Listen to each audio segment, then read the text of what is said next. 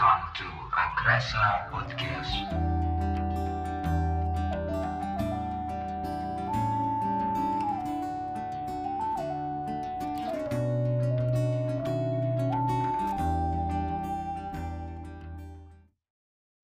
Halo teman-teman semuanya, selamat datang kembali, selamat mendengarkan Akrasa Podcast. Kali ini gue Regi Suryo udah bareng sama salah satu teman gue yang punya passionate sama ya. Dia itu seorang guru juga, dia seorang musisi juga. Dan kenapa gue ajak dia jadi teman ngobrol gue di sini karena gue ngeliat ada beberapa peristiwa menarik yang sebenarnya biasa aja tapi gue yakin peristiwa-peristiwa yang terjadi di hidupnya ini bisa jadi pelajaran dan gue rasa harus diceritain ya karena ya walaupun orang-orang nggak perlu tahu ceritanya lu nggak mau dengerin atau ah, terlalu dramatisir gitu. Tapi buat gue eh, orang-orang tuh butuh wadah untuk cerita ya gimana pun bentuknya. At least kadang orang-orang cuma butuh didengerin doang. Oke tepat di depan gua udah ada Cesar.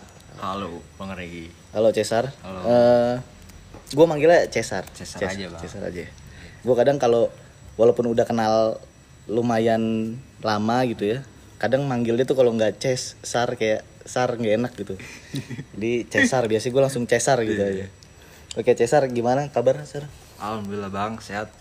Gimana Sehat. Bang? Sehat juga? sehat sehat sehat sibuk apa nih sekarang nih Biasa.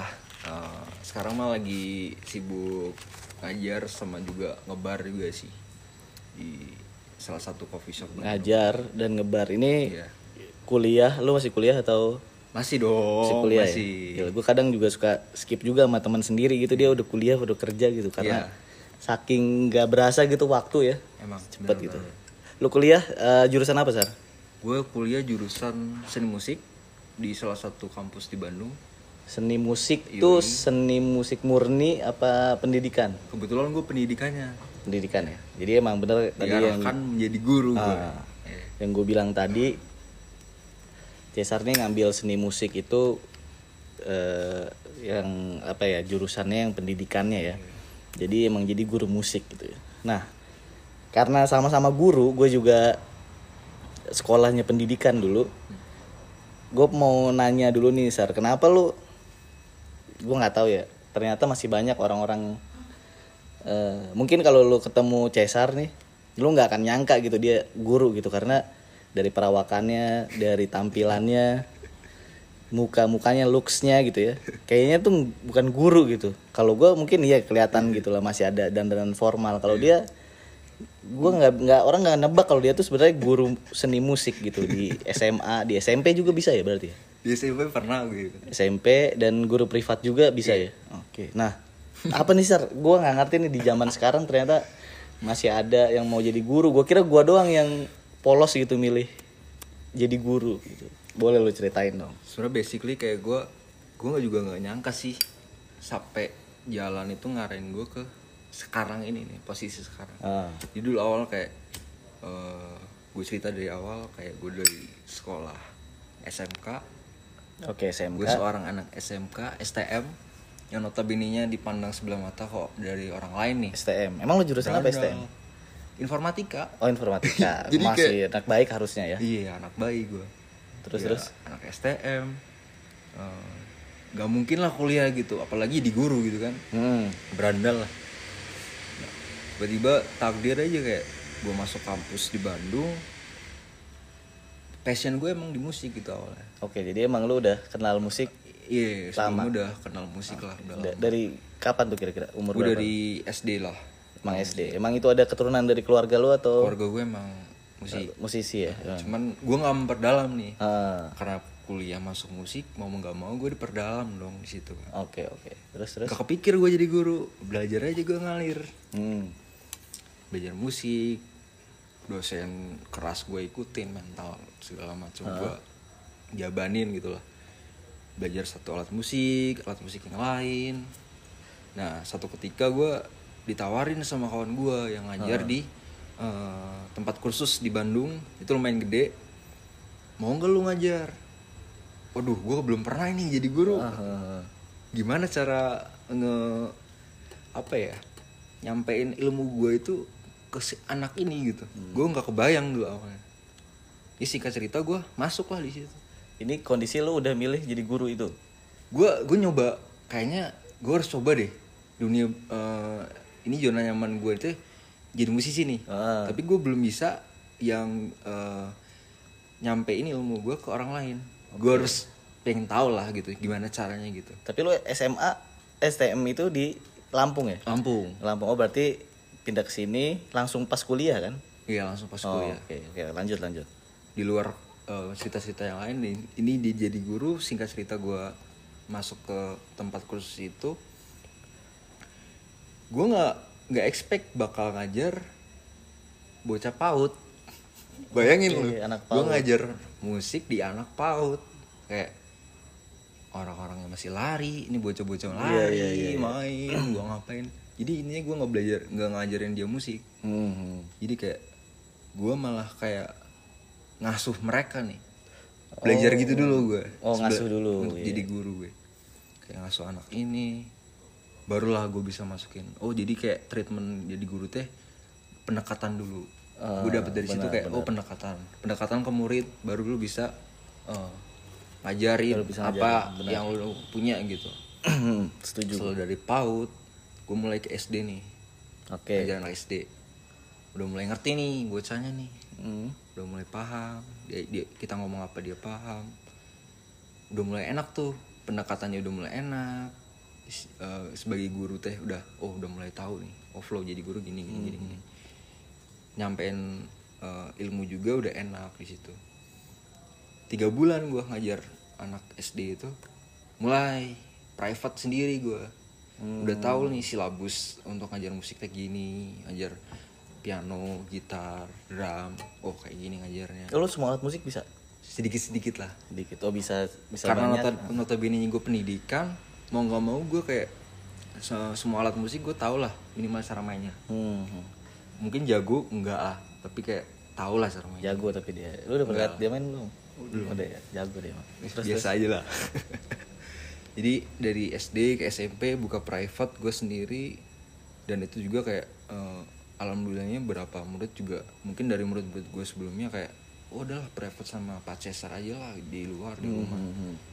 dikasih kepercayaan itu ngajar klasik ada yang mau ngajar klasik, gila. pop ada yang mau jazz ayo kata gue Gila gila gila. Berat berat. teman-teman gue juga bingung kan yang gue ibaratnya gue dari nol. Orang Bandung orang luar orang luar Bandung ya. Tiba-tiba bisa kayak orang Bandung pun belum tentu bisa kayak gue gitu kan mungkin dia kayak Jing lu kenapa bisa? gitu gitu buka private sendiri gini gini ngalir kata gue katanya dari situlah kayak kepikiran gue kayak oh jadi guru teh ternyata nggak cuman ngabdi ke eh, pendidikan doang gitu. Nah, tapi ke moral si anak ini juga kita harus didik gitu. Oke iya. iya. kita berandil juga dalam itu. Dalam skill dalam moral moral juga kita harus perhatikan sih menurut ini Nah, eh, pertanyaan gue kenapa lu ngambilnya di di UPI ya? Wih kocak banget sih kalau kalau lu tahu Kenapa? Karena banyak banyak so gue ya? kalau musik lu bisa ke IKJ Isi, isi. mungkin isi bisa gitu. jadi gue dulu eh gue dulu malah ada dulu jadi gue pernah di 2017 itu gue eh, salah satu eh, delegasi dari tempat gue berasal dari Lampung gue di Jakarta beberapa minggu gitu magang di Kemendikbud kebudayaan. Dapat sertifikat lah intinya. Menteri eh, Dirjen Ke- Kebudayaan juga bilang ke gue teleponan juga kalau kamu mau kuliah kuliah di seluruh Indonesia yang berhubungan dengan seni kamu bakal masuk dia. mau diisi mau di mana gitu. Tapi ketika gue SMK itu gue nggak kepikiran kuliah lah. Kepikirannya udah kerja aja kerja kerja kerja cari duit udah kerja di tempat eh, komputer jadi engineer gitu. tapi guru gue ada yang ngarahin kayaknya kamu harus kuliah deh nilai kamu sayang kayak harus dimanfaatkan gitu. Nah, Oh, cobain lah gitu. Tapi guru gue nggak ngasih kampus. Nggak ngasih tahu ya. ya udah gue main aja kayak mana ya kampus ya? Gue pilih pilih pilih pilih eh kayaknya enak di Bandung deh. Bandung. UPI pendidikan. Di Setiabudi Bandung. Gue belum pernah ke UPI gue nggak tahu Setiabudi kayak di mana UPI kayak mana si apalagi jurusannya gitu kan. Lulusan juga nggak ada kan. Jadi pas gue daftar daftar aja kayak. Udah kayak nggak mikirin masuk apa enggak yaudah udah mau masuk iya syukur. Nggak juga udah gue gawe gitu. Alhamdulillah takdir kayak lulus. Dari situ lah kayak anjing upi. Cemplung nih jadi. cemplung gue untuk awalnya tuh kecemplung gue jadi masuk upi mah Tapi lu udah udah ke Bandung sebelumnya, udah pernah ke Bandung. ke Bandung pernah gue Oh ke Bandung pernah. Oh mungkin karena oh gue udah pernah ke sana dingin gitu Iya, mungkin ya. itu itu pertimbangan gue kayak adem nih enak nih kayaknya untuk awalnya untuk main liburan Hmm. gitu kayak kayaknya untuk liburan enak dari situ gue Terus Cemplung di betah, betah juga berarti di Bandung lu ya. kalau awal-awal sih kayak mungkin culture shock sih kayak Hmm. Uh ternyata budaya Sumatera sama budaya Sunda, Sunda ya. 30 360 derajat gitu ya. beda banget kayak di tongkrongan beda di lingkungan beda banget wah itu bener-bener awal-awal tuh kayak penyesuaian banget sih gue di Bandung Yang culture shock yang lu alamin apa salah satunya? di teman-teman sih Kenapa tuh? kayak ya mereka mungkin nggak peduli gue dari mana Hmm. lu harus ngikutin gue tapi tanpa tahu background gue tuh kayak mana orang mana Ah. gitu jadi kayak anjing Tapi dalam hal ini kan kebaikan kan yang positif Iya, kan. iya. Maksudnya Hmm, positif. udah gua tunjukin Bandung nih kayak gimana gitu ya gua kenalin gitu. Gak ditinggalin lah ya. iya bener Di perantauan gak ditinggalin gitu. Nah itu eh, emang lu udah memutuskan untuk kayaknya gua pengen ngerantau gitu atau apa alasan lu selain karena kecemplung. Apa emang mau em gue harus cabut dari Lampung gitu emang? Gue emang eh, pikiran gue sih emang dulu juga di- itu sih emang harus benar-benar merantau. Kalau di pikiran men orang Sumatera itu lu kalau mau berkembang lu harus harus keluar. Oke. karena ya kalau lo mau berkembang emang harus keluar dari zona nyaman daerah lu kan. Hmm. oh, temen udah ada base temen. Hmm. uh, base tongkrongan udah ada lu mau ke mana-mana gawe ada orang dalam banyak tapi ketika lu di uh, keluar daerah yang gue pikirin gue harus buat base teman baru base uh, relasi baru Iya benar-benar. dia syukur-syukur bisa jadi base orang dalam Hmm. jika nanti saudara uh, tujuan gue itu untuk Ah, iya. Yang ngebangun, inilah ya, Ngebangun menjadi pionir baru, iya. dari keluarga gitu ya. Kayak lu menanamkan diri gitu ya di satu daerah. Oke oke oke. Nah ngomongin musik, kalau dari keluarga sendiri ada paksaan gitu kan katanya keluarga lu rata-rata musisi gitu ya. Ada paksaan lu harus belajar musik atau emang lu pengen?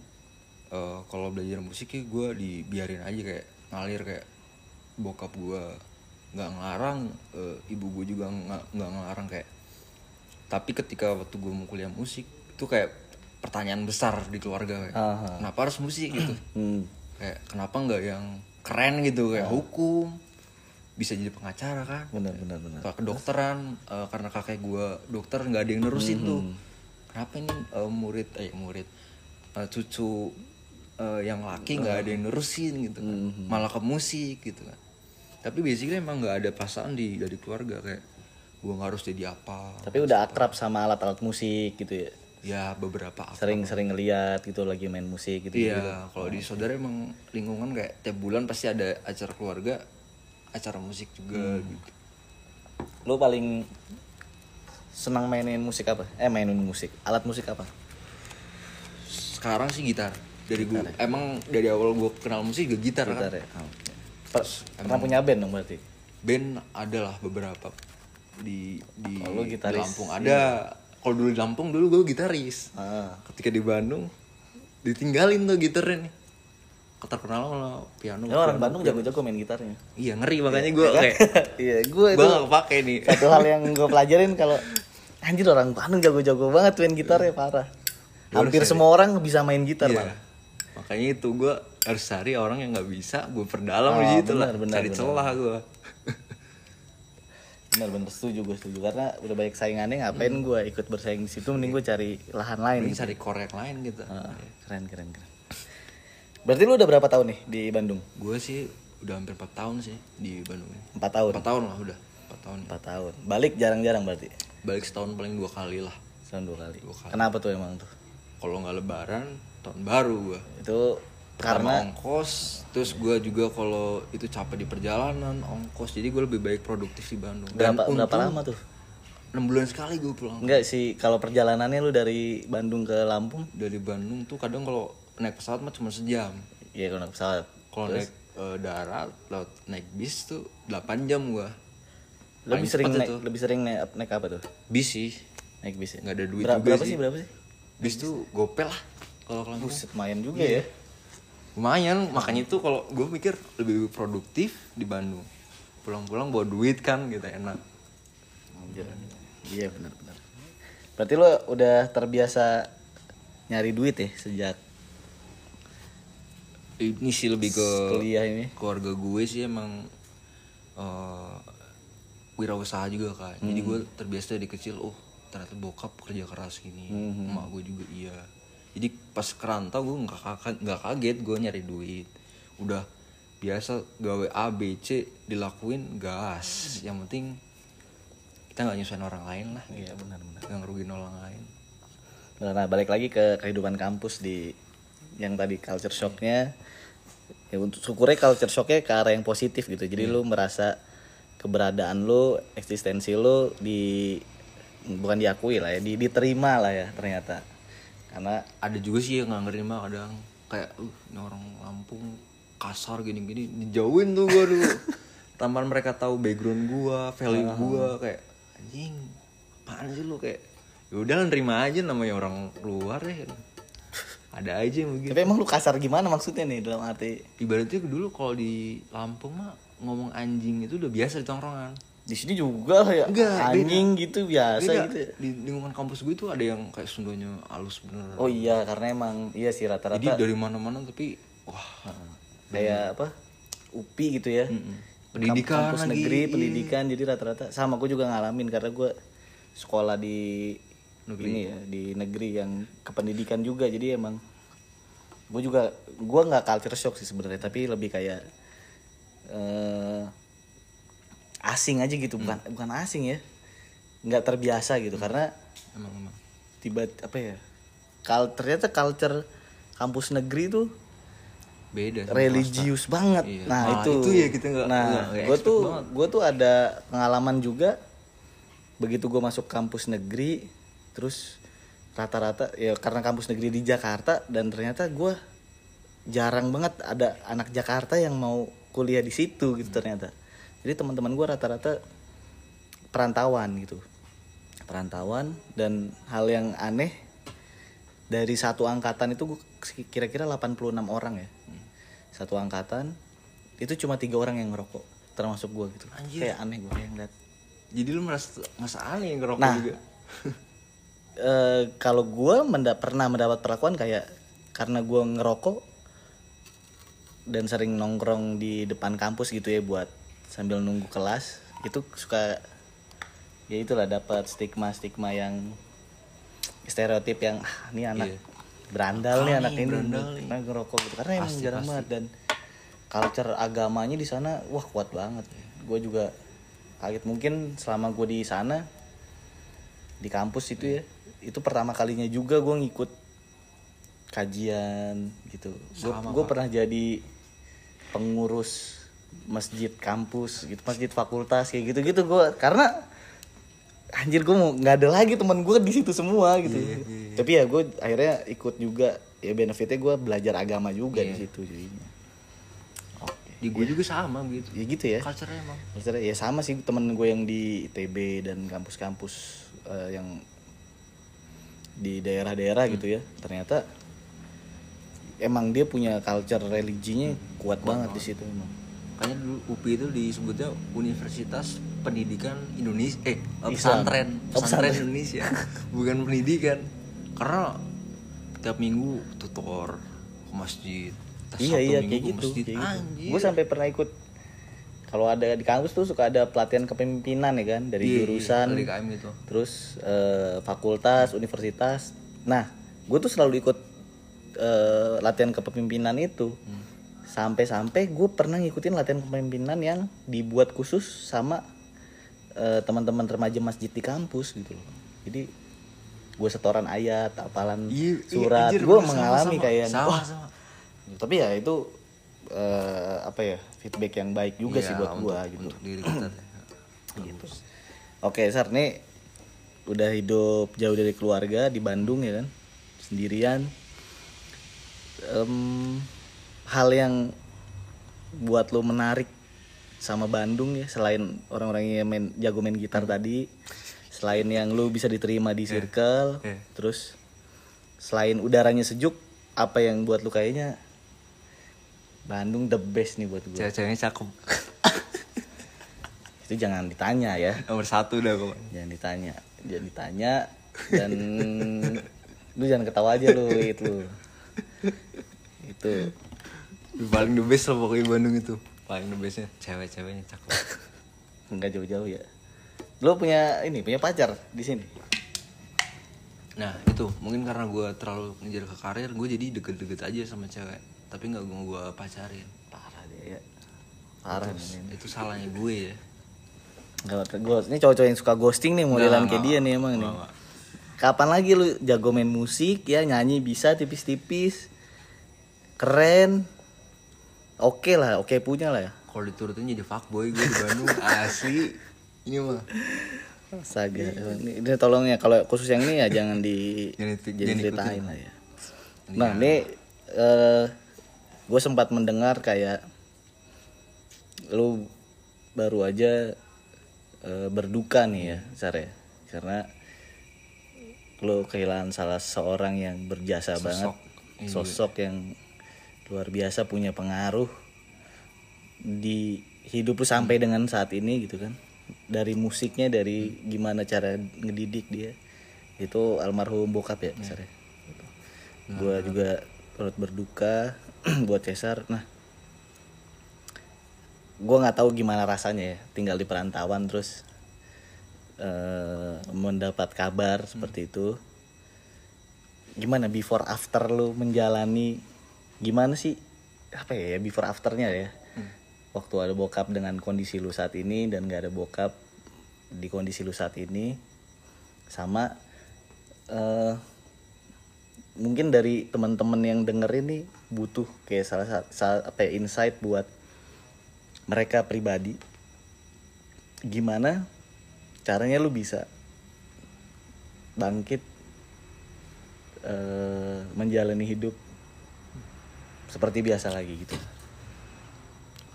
Ini cerita dari mana nih gue cerita dari before afternya aja. Dulu waktu bokap ada lu di perantauan gak ada kekhawatiran atau gimana bebas aja cerita dari mana before sebelum bokap meninggal gue hidup enak terjamin gak gak gawe untuk kesenangan gue sendiri. Oke. Duit gue utuh lah ya. luber lah bisa ke sana sini. Oke. Eh, finansial oke lah kejaga. Mhm. mentality kejaga semuanya kejaga kesehatan pun kejaga karena bokap gue emang ya karena eh, kakek gue dokter, itu ya? karena punya basic kesehatan jadi gue pasti kejaga kesehatan didikan bokap gue juga emang yang apa ya ngebentuk gue saat ini Hmm. jadi diri gue saat ini bener-bener berjasa emang ya kalau sebelum ada sebelum bokap meninggal eh, dari segi semua segi kayaknya terpenuhi ya? Terpenuhi lah. Oh, oke. Nggak kekurangan lah cukup gitu. Hmm. alhamdulillah. Nah ketika bokap meninggal nggak ada gue yang tadinya kayak luber-luber jadi tipis nih. Jadi tipis nih. jadi tipis parah kayak anjir gue struggle nih. Udah Survive mulai gue nih ya, lebih harus- gila harus gila lebih gila. perjalanan gue baru dimulai nih kayaknya gitu kayaknya ya ini new benar-benar perjalanan New baru chapter gua, ya? new chapter ini. Chapter ya? Gila sih. Tapi lo emang orang yang deket sama bokap dulu?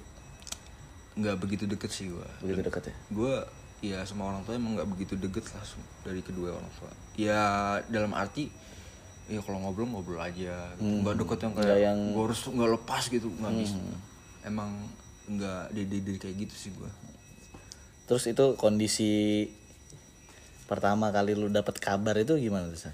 Gue nggak dikabarin anjir kayak gue Itu posisinya lu di Bandung berarti? di Bandung Di Bandung ya. jadi gue gue lagi nggarap photoshoot brand gue Heeh. Eh, selesai gue lagi editing gue mau pindah kosan kawan gue kawan gue yang mau pindah kosan gue bantuin tiba-tiba orang orang rumah nelpon pakai nomor ibu gue Heeh. gue angkat ada apa nih tumben karena orang tua gue nelpon ke gue itu jarang Bukan banget tipikal yang nanyain kabar Nggak, terus-terusan ya? emang ya mungkin dia juga tahu kan pengertian lah anaknya sibuk gitu. Sama-sama nelpon yang angkat om gue Heeh. kenapa? Kata gue "Om, eh, lagi di mana?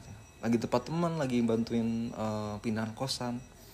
Oh yaudah eh, gimana caranya hari ini harus pulang? Pakai pesawat pakai mobil pakai travel pakai apa? Pesawat kata gue mikir lah gue nggak dijelasin apa apa suruh pulang. Ih, pakai nomor mak gue lagi gitu kan. Aduh itu. kata gue gue gue di situ belum belum mikir yang gimana gimana mungkin gue mikir kayak ah ini mah kayak cuman eh, ada apa gitu. Gue udah udah deg-degan aja gue kayak jelasin dulu ada apa. Gue ngegas kayak Aha. lu yang bener ngomong ini gue gue lagi di tempat kawan gue gitu. Terus eh, ya pokoknya lo harus pulang intinya gitu Iya, sama gua. iya. ya gue nggak mau ada apa jelasin dulu kata gue gue udah sambil kayak deg-degan Iya, ketakutin iya, gitu kan yaudah eh HP-nya dikasihin ke temennya temen gue ngangkat telepon Kok dikasih ke teman lu? Maksudnya? mau ngasih tahu bahwa eh, dia harus ngejaga gue sampai pulang gitu Oh iya iya iya. karena kan nanti kalau gue denger Iya iya benar benar. takutnya gimana gitu teman gue yang tadinya happy sama gue lagi pindah-pindah mimiknya langsung berubah kayak anjing.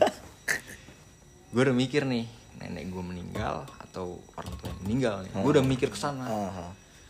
di situ gue kayak eh, diri gue tuh automatically kayak gue harus siap eh, menerima kabar apa pun yang terjadi. Karena sebelum bokap gue meninggal tahun yang sama nenek gue dan itu nenek gue yang deket sama gue Hmm. gue emang dulu nggak lepas banget sama nenek gue bulan Februari 2021 nenek gue meninggal.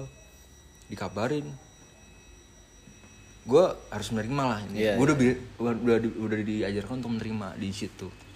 Pas eh, dikabarin tuh kawan gue ini yaudah sar eh, kayaknya gitu gue temenin aja deh ke Damri stasiun. Bentar ada apa? Nggak boleh kasih tahu kan temen agak susah ya untuk untuk ceritanya kalau nggak dikasih tahu ya? Pusing juga dia gila. dia dia dia nahan tapi gue tahu karena kan kita udah temenan gitu kayak Mhm. kayaknya ada yang disembunyiinnya lebih berat nih gitu Mhm. bukan sekedar yang main-main gitu kan anjing ya udahlah kata gue singkat cerita gue Anjing tuh keponya gimana ya? Uh gila, Nahan gue tuh overthink, overthinkingnya parah bang. Jadi kayak di sepanjang jalan banyak yang nelponin gua, tiba-tiba om gue yang jauh sama gua, mana nomor rekening? Kata gua. gua nggak butuh duit kata gua kata. Ada uang untuk pulang ada, karena emang posisi itu emang ya itu kata gua, gua kerjaan lagi ini. Ada lah kalau uang untuk pulang mah gitu. Cuman apa gitu? Apa yang urgensi yang gue harus eh, untuk pulang gitu? Singkat cerita gue beli tiket lah, beli tiket. Akhirnya lu jadi balik naik apa? naik damri, Naik Damri beli tiket. Waduh, udah PR banget nahan di perjalanan ya. Itu gue udah diem aja gue, gini aja. Terus terus. Gue ti- beli tiket pulang. Ah. Gue beli tiket jam 4 Jam bis, 4, bis berangkat jam 7 Lu bayangin 3 jam gue harus nahan iya. itu Sampai gue pulang ke rumah Jadi posisi di eh, ketika gue habis beli tiket Gue pulang ke kosan HP gue matiin Mhm. Ada ada yang bocor eh, Terus berarti gue cita ya bang Gini gini gini Gue matiin gue nggak nggak peduli Udah, tuh udah udah kelihatan tuh tapi ya, tapi masih gue udah tahu gitu. ini ya. ini meninggal nggak mungkin deh kayaknya orang orang tua gue sehat semua gitu Mhm. kan gue eh, matiin hp gue main gitar aja kok mainnya gue lagu sedih wae otomatis tuh hati gue kayak Mhm. eh, perasaan gue kok sedih mulu nih gitu mungkin batin ya kan? Iya iya. Oh, gue main gitar aja dari eh, jam 4 itu sampai gue mau berangkat dianterin lagi sama kawan gue berangkat di bis juga gue nggak megang hp cuman ketika masuk bis biasanya gue lihat ibu-ibu bapak-bapak gitu. Ini mah bapak semua. Hmm. bapak-bapak kayak pam oh, orang om om bapak-bapak yang udah tua kok aneh ya? Kayak kok bisa ya gitu? Kayak gue masuk bis itu kayak jarang banget ceweknya satu dua doang gitu ya? kayak udah gue di sepanjang jalan 8 jam gue menahan eh, penasaran itu.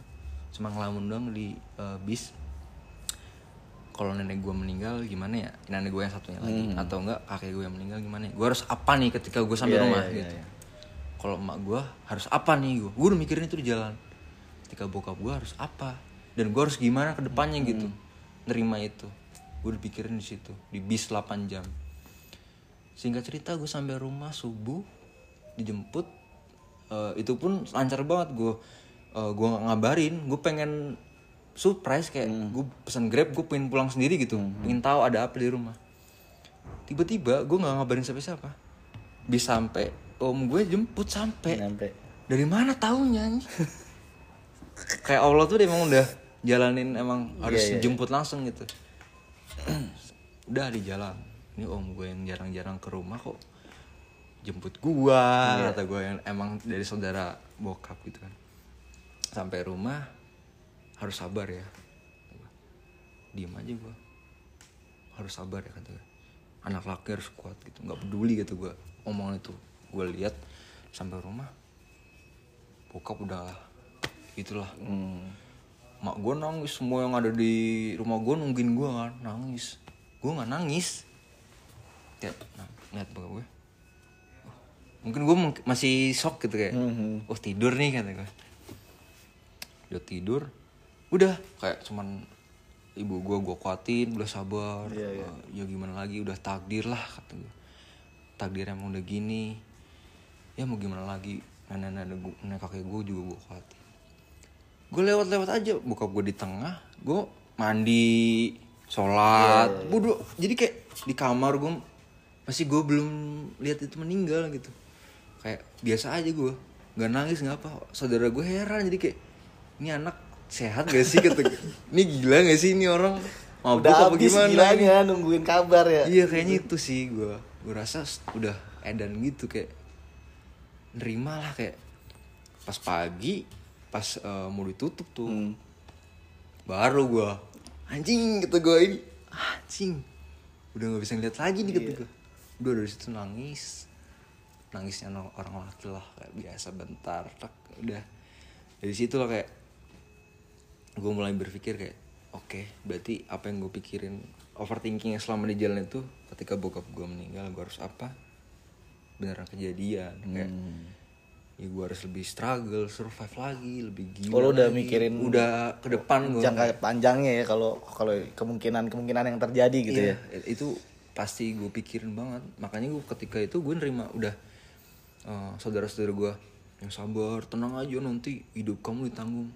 Gue nggak nggak merhatiin omongan itu karena mungkin saudara respectnya ke, ke- di hari itu doang. Mungkin nanti lupa. Ya, di ya. tahun ini mungkin setahun doang nanti baiknya lupa. Karena gue gitulah intinya respect di situ doang. Jadi kayak oh ya udah.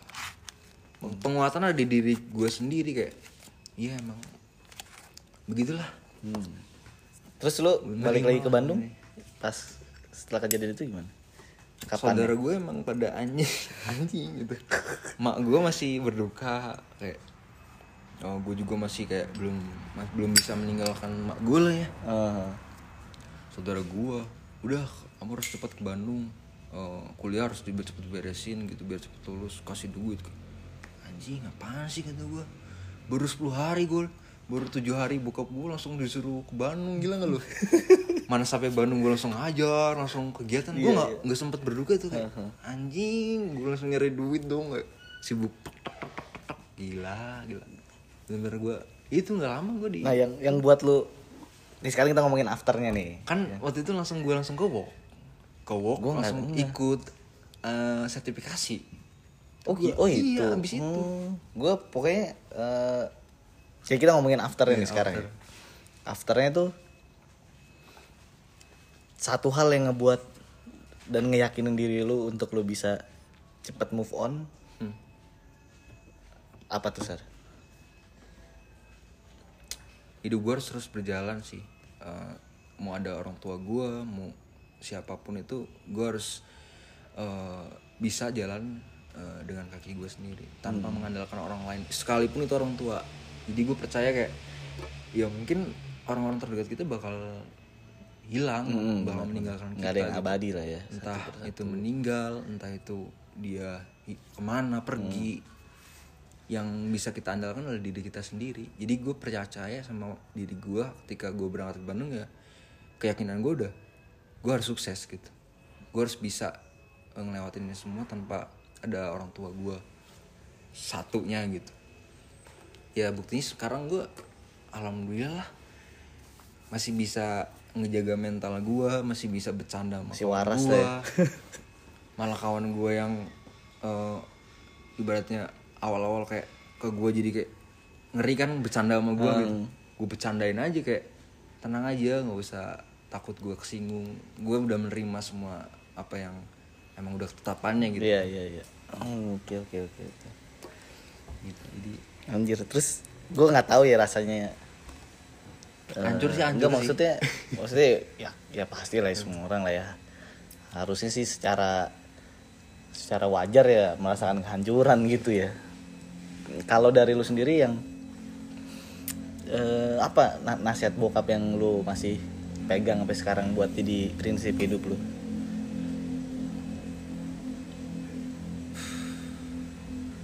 Banyak bener sih yang lu inget aja yang masih kalau lu lagi ada di titik terendah nih oh gua harus percaya diri sendiri gitu. Oh.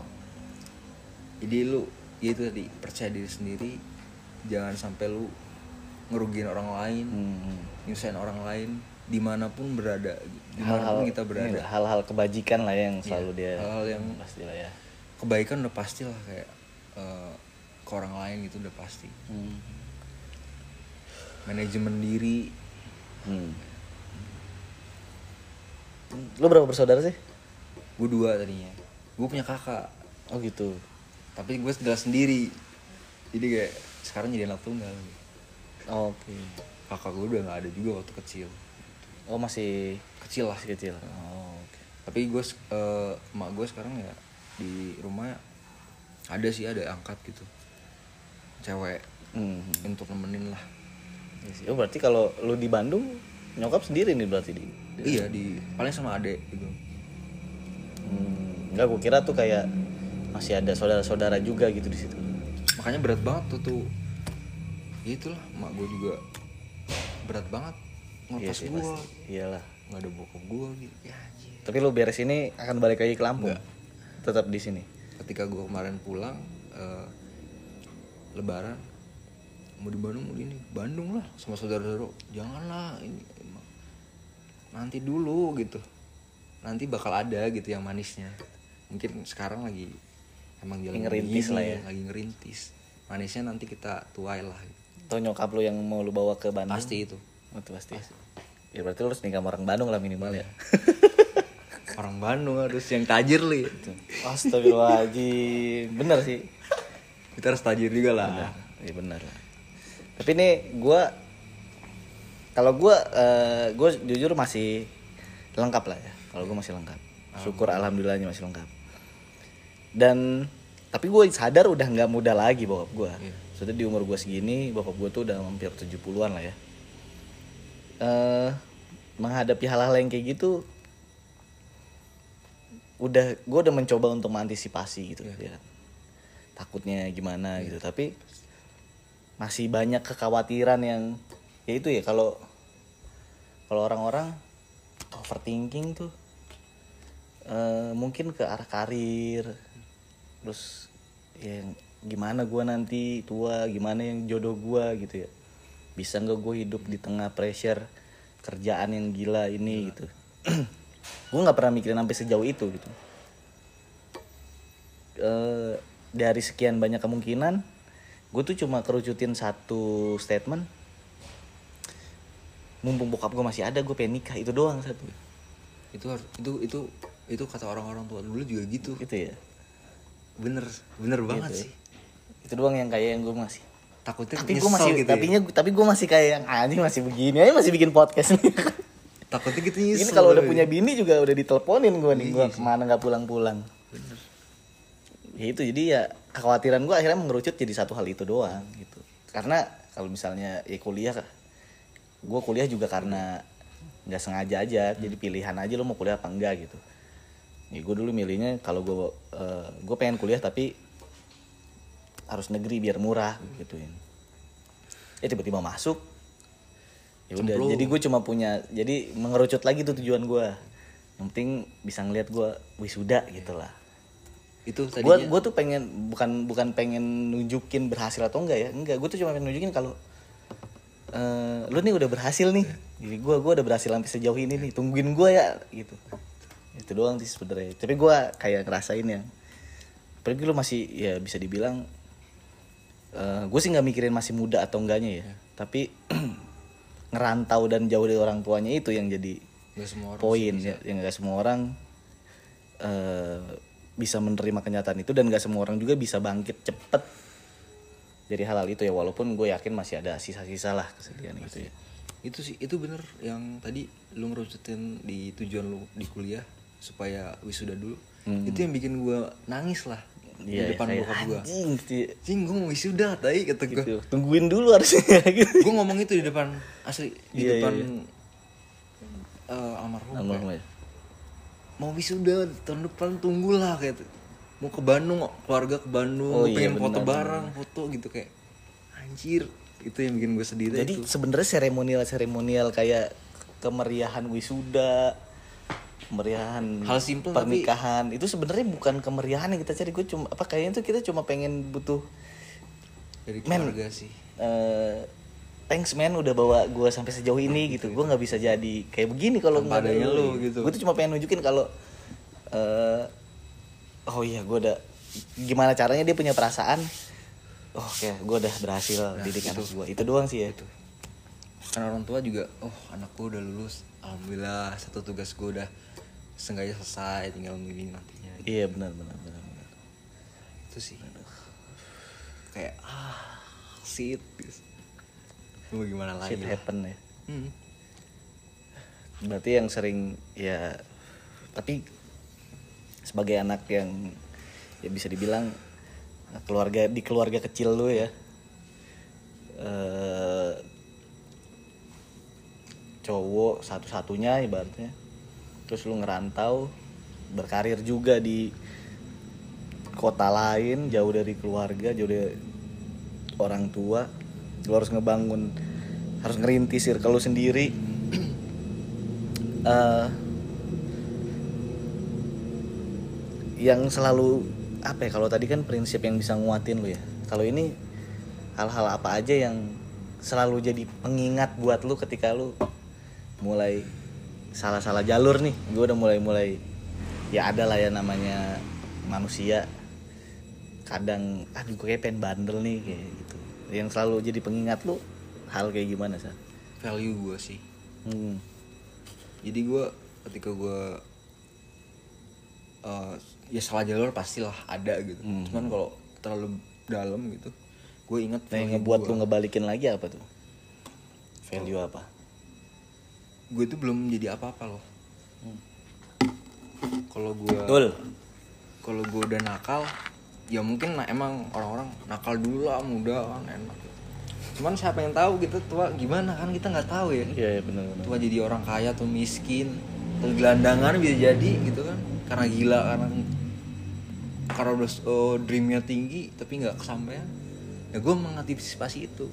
Ketika gue nakal nakal secukupnya kata bokap gue lu nakal boleh tapi jangan sampai dalam banget gitu. Hmm. Ya wajar lah kalau cowok nakal wajar gitu. ya. hal wajar lu nakal di cewek mau di eh, minuman atau di mana aja lah asal jangan obat gitu. Hmm. itu hal yang wajar. Cuman itu value gue itu udah sampai mana.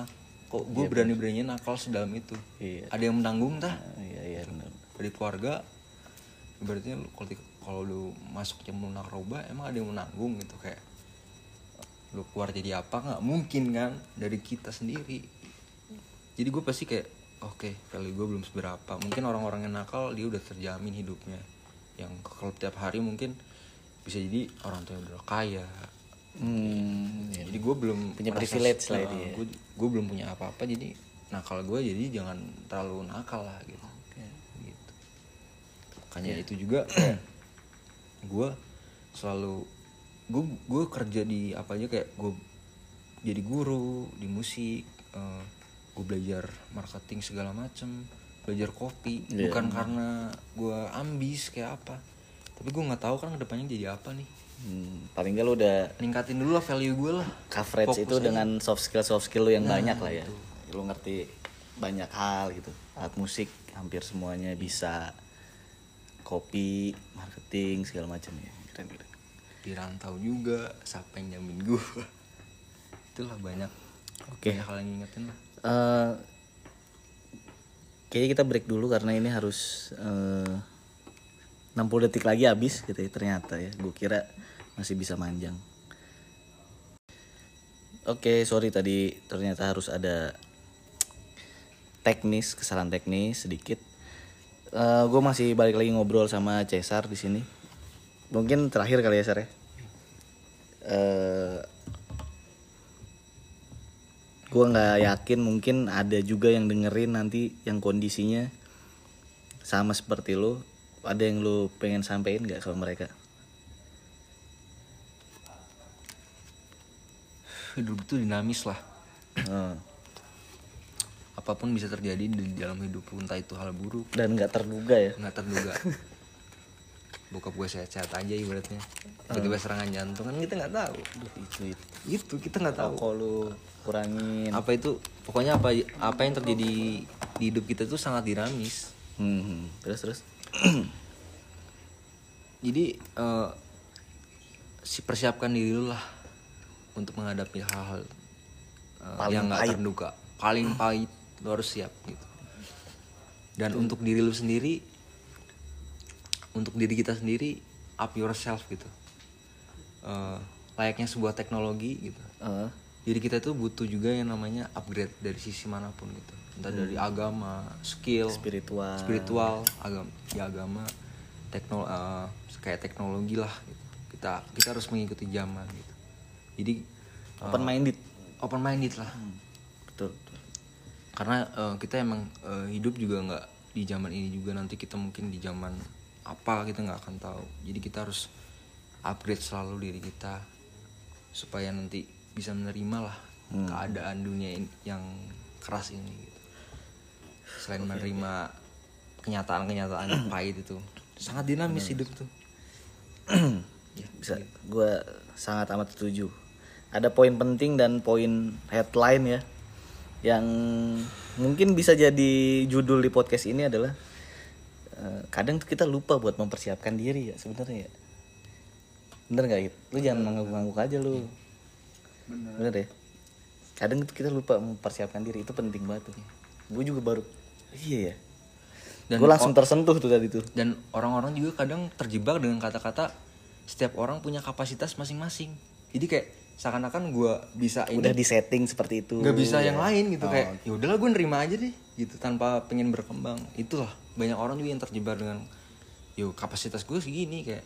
Oh, gue nggak gua nggak capable di hal itu Eh, nih gitu. kayak padahal dia belum nyoba aja belum gitu nyoba ya gitu. bener banyak banget tuh. Anak muda sekarang apalagi ya. Ya udahlah kapasitas gue cuma segini doang nih nggak bisa yang lain gitu. pesimistik dia. Iya. Jadi ya itu itu headline yang sangat amat penting banget ya. Itu juga ngingetin gue bahwa kadang kita emang lupa buat mempersiapkan diri untuk hal-hal paling pahit yang akan terjadi di hidup kita gitu. Oke Cesar eh, ada project apa lagi Sar di depan Sar? Nextnya? Project eh, ke depan mungkin gue lebih ngebuild brand gue sih. Sekarang Brand apa sih fokus kaos gitu clothingan. Oh clothingan. Ngebuild brand brand karena ya itu gue pengen punya usaha stila di Bandung gitu dengan begitu banyak saingan gitu ya gue cobalah kesempatan peluang itu.